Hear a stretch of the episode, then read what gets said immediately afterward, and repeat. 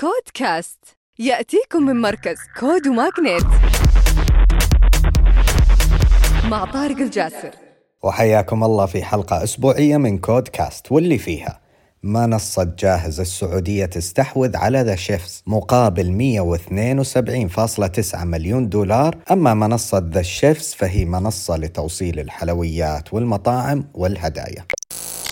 أما شركة فينيكس جيمز الإماراتية تجمع استثمار بقيمة 150 مليون دولار بمشاركة شركتي Phoenix Group و Cypher Capital وتهدف لتغيير طريقة نشر الألعاب الإلكترونية المطورة بالاعتماد على تقنية البلوكتشين مع إدارة عدة استديوهات لتطوير الألعاب.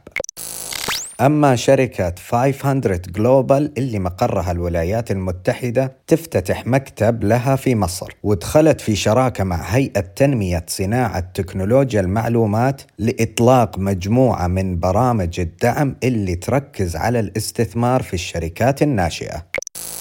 وعندنا Kitopi لتشغيل المطابخ السحابية واللي مقرها دبي جمعت 300 مليون دولار في تمويل Series C.